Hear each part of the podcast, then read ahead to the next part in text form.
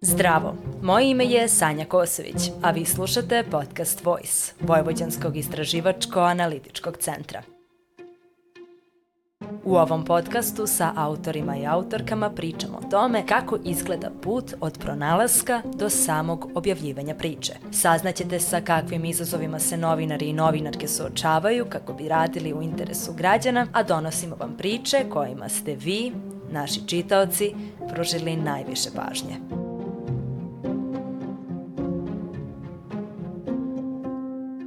Posle letnje pauze uskačemo u osmu epizodu Voice podcasta, u kojoj pričamo o tekstu koji je obeležio period dok nas nije bilo, a koji nosi naslov Džaba sam kukala i molila, rekla mi je da ne budem razmažena. Naslov ovog teksta u stvari je izjava jedna od sagovornica, a ilustruje iskustvo tokom najosetljivijeg perioda u njenom životu, porođaja.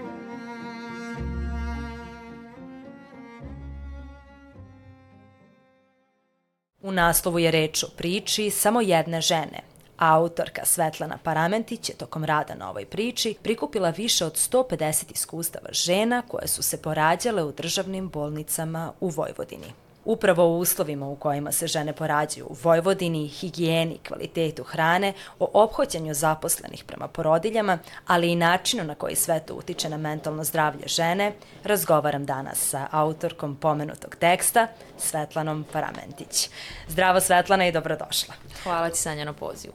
U suštini za početak bih da te pitam pitanje koje je već sad postalo uobičajeno da pitam svakoga kad dođe, a to je šta je ono što te lično podstaklo da ti u stvari se baviš ovom temom? Nekako su društvene mreže naša svakodnevnica i tamo se može naći dosta tema, pogotovo zbog toga što su ljudi vrlo onako otvoreni kada, ih, kada im nešto baš smeta.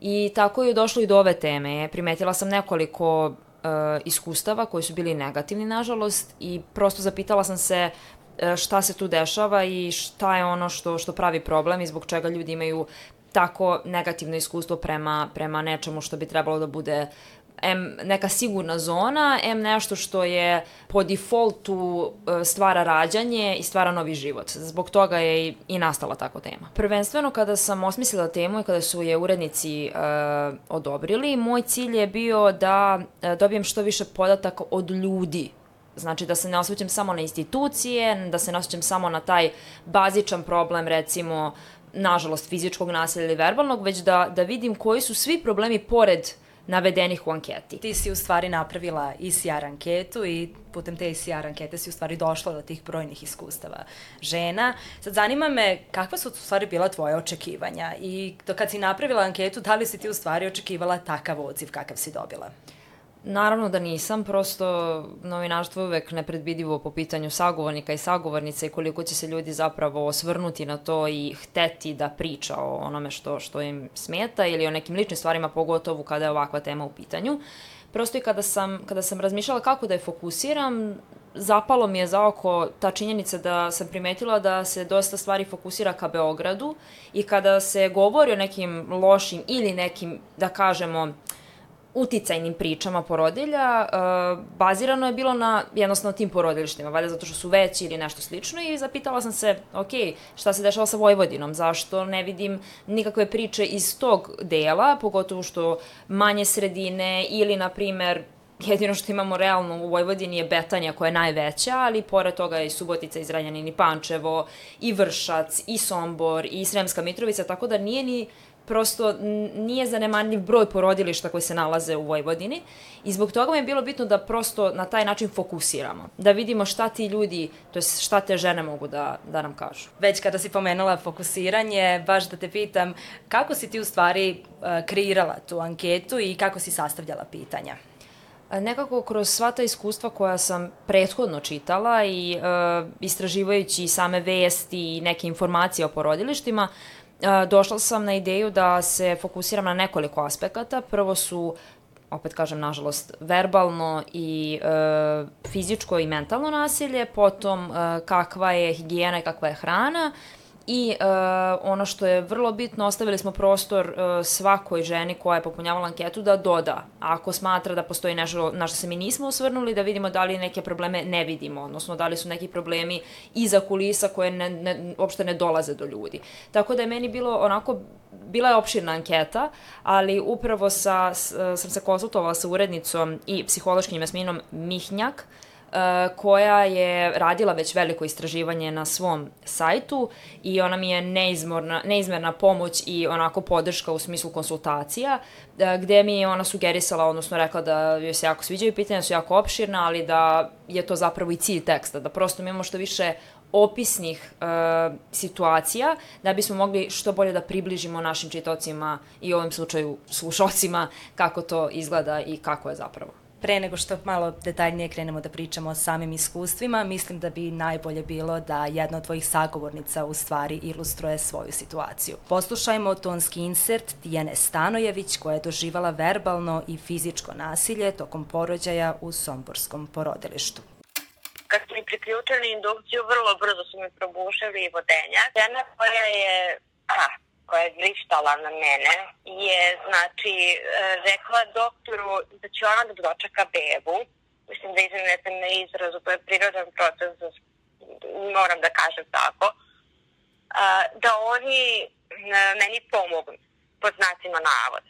Zašto pomognu? Zato što su oni meni e, probušali vodenjak i toliko isposirali taj porođaj da su oni meni skotili dva puta na stomak, da nisu stali da ja izguram te napone. Ja sam prošla dva porođaja, znam šta je napon, znam kako treba da izguram napon.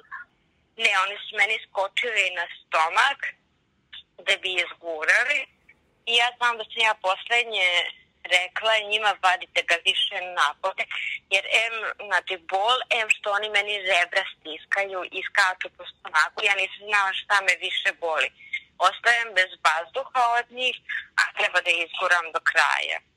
Doktor je rekao da sam bila užasna. Rekao, dobro, naravno da sam bila užasna, da sam vrištala kad mi skačeš po stomaku, ne daš mi da ja to, kako rekao, sa drugim sinom, jer nisam reč rekla, stisla zube, zatvorila oči i gurala napolje. U suštini, poslušali smo sada taj tonski insert. Zanima me, pored njene konkretne situacije, šta, šta je još bilo u okviru verbalnog i fizičkog nasilja što je tebi zapalo u oko? Šta su, šta su u stvari rekle porodilje? Nekako je uvek e, to verbalno nasilje se često pominjalo. Ja opet moram da se ogradim od 155 anketa, nisu sve bile negativne. Postojalo je tu i dobrih stvari i pozitivnih aspekata i hvaljenja određenih doktora i babica i sestara i stvarno to je bitno naglasiti, prosto nije sve crno ili belo. I zbog toga uh, meni je najviše uh, onako kada sam pročitala sve ta, sva ta iskustva, uh, verbalno nasilje je bilo onako izraženo zato što su se dešavale najviše u momentima kada su žene bile na porođaju ili nakon porođaja. I prosto tek kada su došle kući, na primjer neke od žena su tako i navele, su shvatile šta im se desilo, da prosto ne može neko da ih vređa, ne može da im govori da su debela, da neće moći svoju decu da podiju kako treba, da ne smeju da uh, prljaju oko sebe, da uh, su razmažene, da uh, ne znam ni, ni sama više šta bih navela, postoje dosta primera, ali nekako je sve to bilo zanemarljivo zato što eto, žene su ranjive, uh, one će da pate u kontekstu toga. Znači, ako, ako je bolan porođaj, babica neka će reći nemoj biti, uh, nemoj se deraš, plašiš druge porodilje. Prosto je meni bilo neverovatno da, da uopšte neko uspe tako nešto da izgovori nekome ko je u takvom položaju. I to je nekako je bila najveća motivacija da, da, se, da se u prvom tekstu fokusiram isključivo na verbalno, mentalno i fizičko nasilje i da prosto se ta tema uradi kako treba, jer dosta žena je tek na, kada sam ih izvala i kada smo pričale, e, reklo da ovome treba da se priča i da ovo je jako teško i neke porodilje koje tek treba da, da, da rodu, rode svoje prvo dete, neće znati kako da se odbrane po znacima navoda. I sama si rekla da je poseban deo bio za mentalno nasilje. Da li možeš malo više da mi kažeš o tome šta podrazumeva mentalno nasilje i šta je to šta su opet tebi i tvoje sagovornice rekle i anketirane žene? Da, pre svega, uh, pomenuta sagovornica Jasmina se baš referisala na to da mentalno stanje i mentalno zdravlje nakon porođaja, na primer, je vrlo specifično i da prosto e, ne primećujemo da se o tome priča. Nekako postporođajna depresija i ostali oblici ostaju iza kulisa i ostaju zanemarljivi i to je najveći problem, jer ok, izaći ćete žena iz porodilišta, šta posle? pogotovo što sam ja imala sagovornicu koja je zbog načina komunikacije prema njoj e, imala dve godine postporođajnu depresiju. Da je ona bila toliko nesigurna u sebe da neće biti dobra majka, da je došlo do toga da je morala da prolazi kroz razne terapije, da prolazi kroz razne procese kako bi ona sebi pomogla. Što je sama navela da ona je imala tu, da kažemo, sreću da je mogla, da je finansijski imala uopšte uh, mogućnost da tako nešto uradi za sebe. I jako je bitno da se samo shvati da prosto ta jedna reč ili ta jedna rečenica može dovesti do one najgore posledice, a to je da žena na kraju neće hteti da ima decu posle ovoga. I to, se ide, to je nekoliko uh, i uh, sagovornica u anketi i navelo. Šta je posledica njihovog ponašanja prema vama ako ste imali negativno ponašanje? Samo kratko budu tri reči, neću više da rađem. To je, to je već četiri, ali upravo je to poenta samim tim što si dobila 155 odgovora iz brojnih mesta iz Vojvodine, šta su neki odgovori koji su možda tebi, tebi onako ostavili neki najjači utisak i zbog čega? Mislim da je nešto što je vrlo zanemarljivo u toj cijeloj anketi kada govorim upravo o verbalnom, mentalnom i fizičkom nasilju koje su ogromna stvari koje ne smiju da se dešavaju, prosto je nedopustivo, kao što je rekao i moj sagovornik lekar. Prosto ne možemo to da, da prihvatimo. Ali ono što je meni zapravo ovaj, predstavilo kao najzanimljiviji aspekt je bila hrana. Jer postojalo pitanje e, kako ocenjujete kvalitet hrane u porodilištu. I često se dešavalo da odgovor počinje sa ja znam da nisam u hotelu, ali. Ja znam da ja nisam e, došla tu, e, da to nije hotel sa pet zvezda i tako dalje. I meni je prosto prolazilo kroz glavu zbog čega je teško reći da je hrana bila bezukusna ili bajata ili nikakva ili nekako mi je nelogično da žena koja je rodila dete i koja treba da ima svoj prvi obrok i ne dobije kvalitetan obrok, ne smatra da je to velika stvar. I to mi je onako posebno ostalo, ovaj, u, kao kažem, upamćeno u umu, ali opet sa druge strane to verbalno nasilje će mi dalje biti onako ta nemogućnost da, da se neko odbrani da ne može da reaguje odmah, zato što nije u situaciji da reaguje odmah. Posebno verbalno nasilje je bilo jako specifično zbog toga što su govorili uh, konkretno o doktoricama ili medicinskim sestrama i naravno dešalo se to da bude i muškog doktora, ali taj uh, to olako izgovaranje tih stvari, da neko neće biti dobra majka zato što su uvećane bradavice, da uh, je ona razmažena i lenja zato što ne može da ustane iz kreveta nakon carskog reza, da uh, neće da im pomognu uh, i da dobiju, uh, da kada kaže, na primer, uh, zašto praviš tu facu, i da žena kaže pa zato što me boli jer sam pod kontrakcijama trenutno i da ona joj priđe na uvo i kaže tek će da te boli i da joj se nasmeje. Prosto zbog čega? Šta će to doprineti i jednoj i drugoj osobi. To mi je nekako kao, eto da ostaje mi i kao neko pitanje za razmišljanje i slušalcima. Šta to, šta će to da promeni na bolje ili na gore ili bilo šta? Poslušajmo iskustva nekih od žena koje su svoje iskustvo ostavile u ECR anketi Vojsa. Izjave anketiranih žena zvučno ilustruje koleginica Sanja Đorđević. Dok sam se tuširala, sestra mi je uletela u kupatilo, uhvatila me za ruku i krenula da mi skida braunilu bez po reči. Nakon toga osjećala sam sramotu i nemoć. Rekli su mi, zašto si se ukakila, jedeš ko stoka, jel si mogla bolje da se obriješ? Babica je tražila da je častimo, a čak nije bila na mom porođaju, nego je došla tek kasnije. Mleko mi nije krenulo tri dana. Pedijatrijska sestra mi je rekla, šta ti čekaš, ti imaš vremena, a dete ti gladno. Sad kada smo i prešle već polako na temu hrane, ti si razgovarala i sa nutricionistkinjom. Zanima me iz ove ankete, ali iz tvog razgovora sa nutricionistkinjom, kakvu to hranu jedu žene, šta one kažu da jedu i kakvu u stvari hranu bi one trebale da jedu i zašto je ne jedu. Da, e, vrlo specifično e, je, nekoliko primjera su se ponavljali. Viršle, bajat hleb, keks i uglavnom je to bilo, ili neka salama. Znači, to je u suštini bilo, bila poenta. Uh, I prosto opisi su bili bezukusna, prava bolnička, bezukusna, odvratna, grozna. Uh, neke žene su čak i rekle jele smo plazmu jer je to bilo dozvoljeno, kao imali smo bar plazmu da jedemo. Uh, jedna žena je napisala uh, kako ocenjujete hranu, ona je stavila nula, muž mi je donosio svaki dan. Obroke uh, i da prosto im je to i bilo kao, bar eto, ok, jeste ona bezukusna, jeste ona nikakva, ali možemo bar da kao, da neko donese hranu.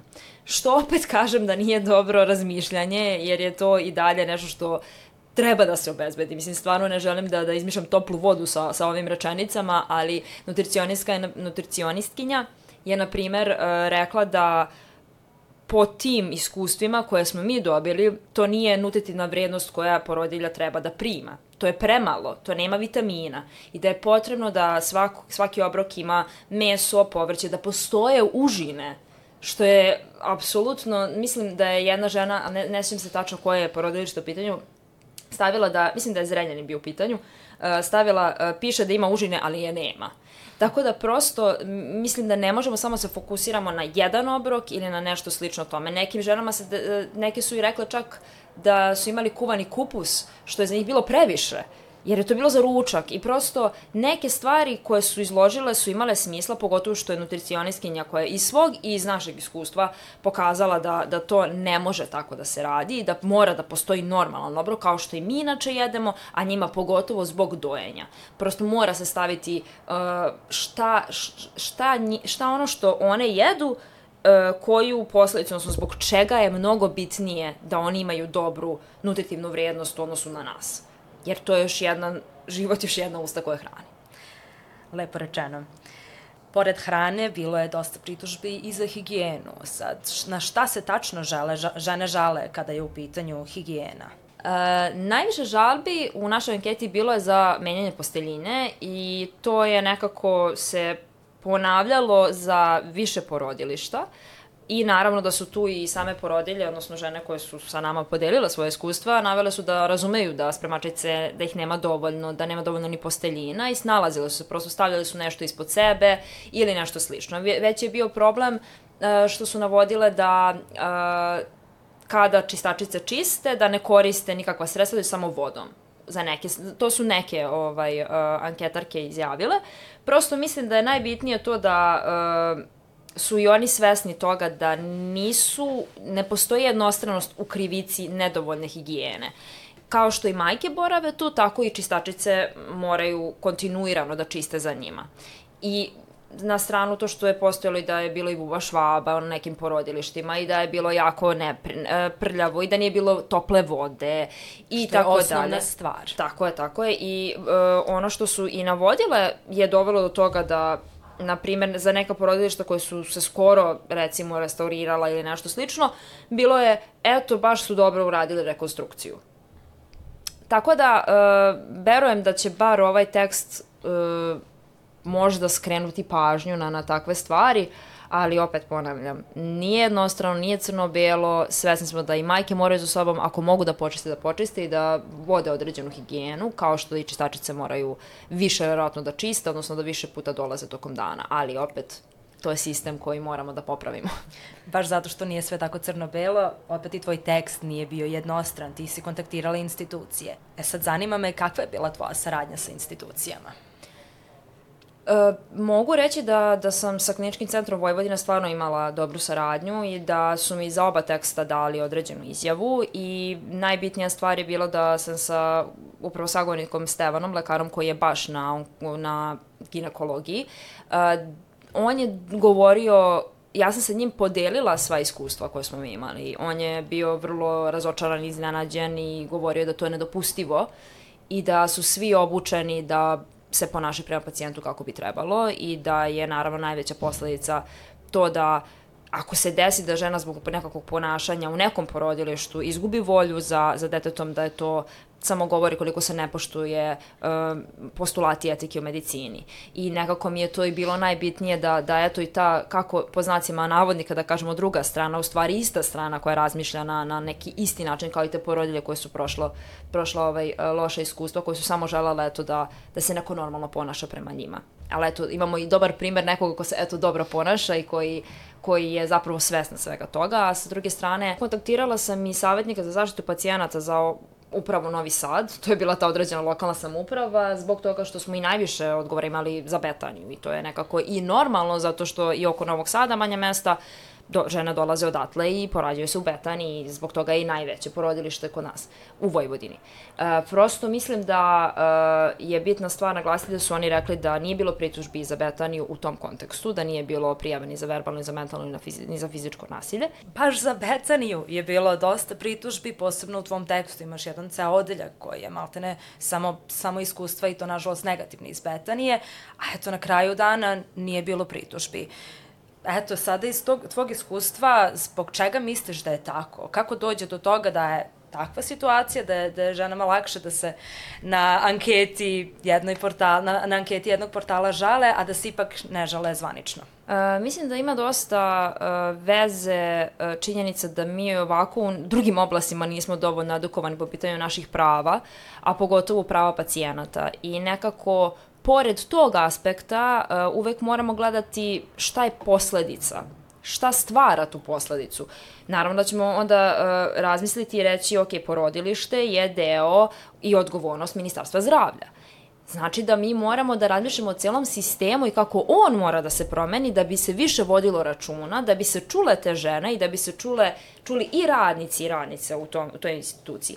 Prosto mora se gledati od vrha jednostavno sistem mora da se popravi, sistem mora da reaguje, zato što je to naj... E, to je mesto u kom žena treba se osjeća najsigurnije i da se osjeća prijatno, a ne da razmišlja o tome na koji način će da e, prijavi e, verbalno nasilje ili na koji način će sebe zaštititi. Naravno, treba bude upoznat sa svojim pravima, ali mi ne treba da dozvolimo da dođe do toga. Poslušajmo izjavu psihološkinje i urednice portala Bebac, Jasmine Mihnjak, koja je detaljnije objasnila kako se zaštititi. Ona je Svetlani dala izjavu u pisanom obliku i zato je njen glas ilustrovala koleginica Vanja Velisavljev. Ako se desi da vam se na prijemu neko neprimereno obrati, vi tražite nekog drugog. Pokažite da ste upoznate sa svim svojim pravima i da ste spremne da reagujete ukoliko vam prava budu ugrožena. To ne znači da treba u porodilište da idemo naoružane i spremne da se svađamo.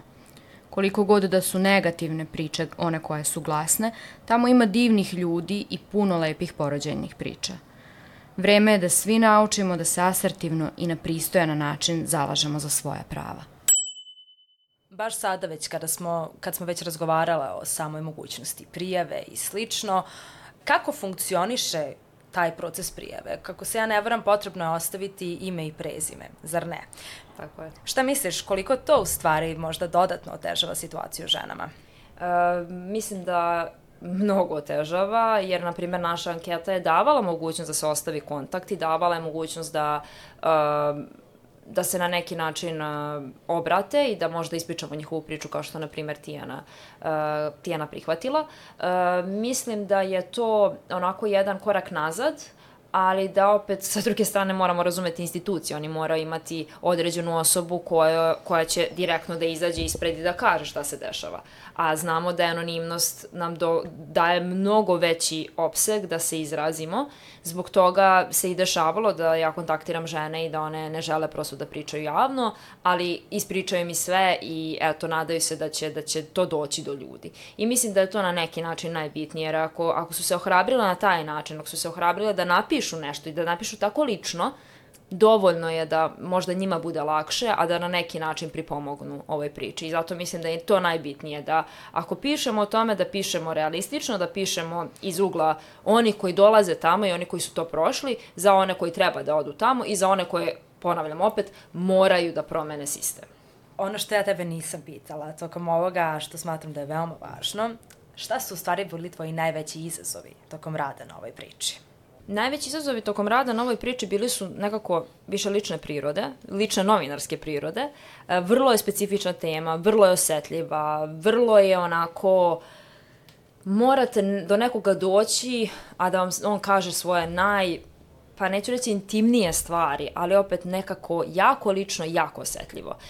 I prosto ja kao jedna mlada novinarka trebalo mi je da prorazmislim kako ću sa nekim da pričam, na koji način ću razgovarati. I to mi je nekako donalo jedno ogromno iskustvo, da shvatimo da ljudi nisu samo tu preko puta da daju izjavu to to, nego da vodimo računa na koji način vodimo razgovor. Meni se dešavalo kada sam pričala sa ženom da čujem bebe pozadnji, pa da oni kažu izvinite, moram da, ja onda kažem naravno, naravno, nadam se da je dobro. Onda meni kaže koliko ima godina i tako dalje. I prosto dve, tri rečenice o nečemu što je bitno. Nisu one tu na traci. To što ih je bilo 155, a od toga ne znam tačno koliko je bilo negativnih iskustava, ne treba da ih gledamo samo kao pojedinku, već da prosto jako je bitno osetiti taj, uh, to njihovo olakšanje kada pričaju o tome. I to je velika stvar, jer ih neko sluša, neko ih čuje. I neko će da podeli tu priču zarad nekog javnog interesa. Kao što smo pričali, zaštita je veoma važna, veoma je važno znati kako se zaštititi, ali zaštita, nažalost, nije rešenje. Zaista bi bilo nefer da kažemo, eto, rešenje u tome da žene znaju da se zaštite. Uh, Šta je ono što si ti izvukla iz ovog teksta kao neko rešenje, kao neko potencijalno rešenje, pa koliko god daleko bilo i kako ti vidiš u budućnosti da se menja? Pa ja se iskreno nadam da će i mediji, a i pojedinci i pojedinke više apelovati na sistem. Jer ako ne menjamo iz korena nešto, odnosno blizu korena, to prosto će uh, izazvati posledicu da moramo da znamo mehanizme zaštite. Da li bila je ono najsitnije, od, ne znam, što bi eto, moje anketarke rekle hrana, do uh, nečega što je verbalno i fizičko nasilje i mentalno. Mislim da je najbitnije da konstantno razgovaramo o tome, da pričamo, da budemo uh, tu, da konstantno cirkuliše nešto i da direktno kažemo onima koji su odgovorni da moraju da se zauzmu i da moraju da menjaju neke stvari možda da završimo na eto pozitivnoj noti. Pominjala si mi pozitivne iskustva žena. Eto, možda malo nešto više o tome da mi kažeš. Dešavalo se da žene imaju po dva, tri porođaje i da kažu prva dva odlično, sve pohvale, taj i taj doktor, on, njega, njega možete preporučiti ili uh, prosto budu i neke izjave kao što su uh, eto, neke babice su nam uh, se šalile sa nama u sali uh, za porođaj, baš su nam olakšale, baš su bile divne, baš su bile fine, uh, stvarno ne mogu da kažem njenu lošu reč za taj deo i onda stvarno nekoliko žena se, ne znam, kaže hrana higijena, super, odlično, jako je bilo lepo, uh, non su menjali posteljinu i td, a onda opet bude, na primjer, loši neki deo, da li mentalni i verbalni. Ali opet, to je konstantno neki balans i prosto uh, za neke ljude posebno mi je drago što tako navedu imenom i prezimenom i onda objasne tu jednu lepu situaciju, kako se oni opkode, kako su oni uvek tu, kako možeš ih nazvati po dana u ponoći, kako će da ti iskreno kažu, kako se lepo osete u tom, u tom uh, porodilištu i zbog toga je bitno da opet naglasimo postoje lepe stvari i postojaće još lepše ako budemo uporni u tome. Hvala ti mnogo, Svetlana. Hvala tebi. Slušali ste podcast Voice, u kom sam razgovarala sa Svetlanom Paramentić, autorkom teksta koji je obeležio period jul-avgust portalu Voice. Pod nazivom Džabe sam kukala i molila, rekla mi je da ne budem razmažena, koji govori o uslovima u porodilištima u Vojvodini. Svakog drugog ponedeljka donosimo vam priče o pričama. Razgovora sa novinarima o tome kako izgleda proces rada na tekstovima i sa kakvim izazovima se novinari suočavaju. Slušajte nas i sledećeg meseca i hvala na slušanju.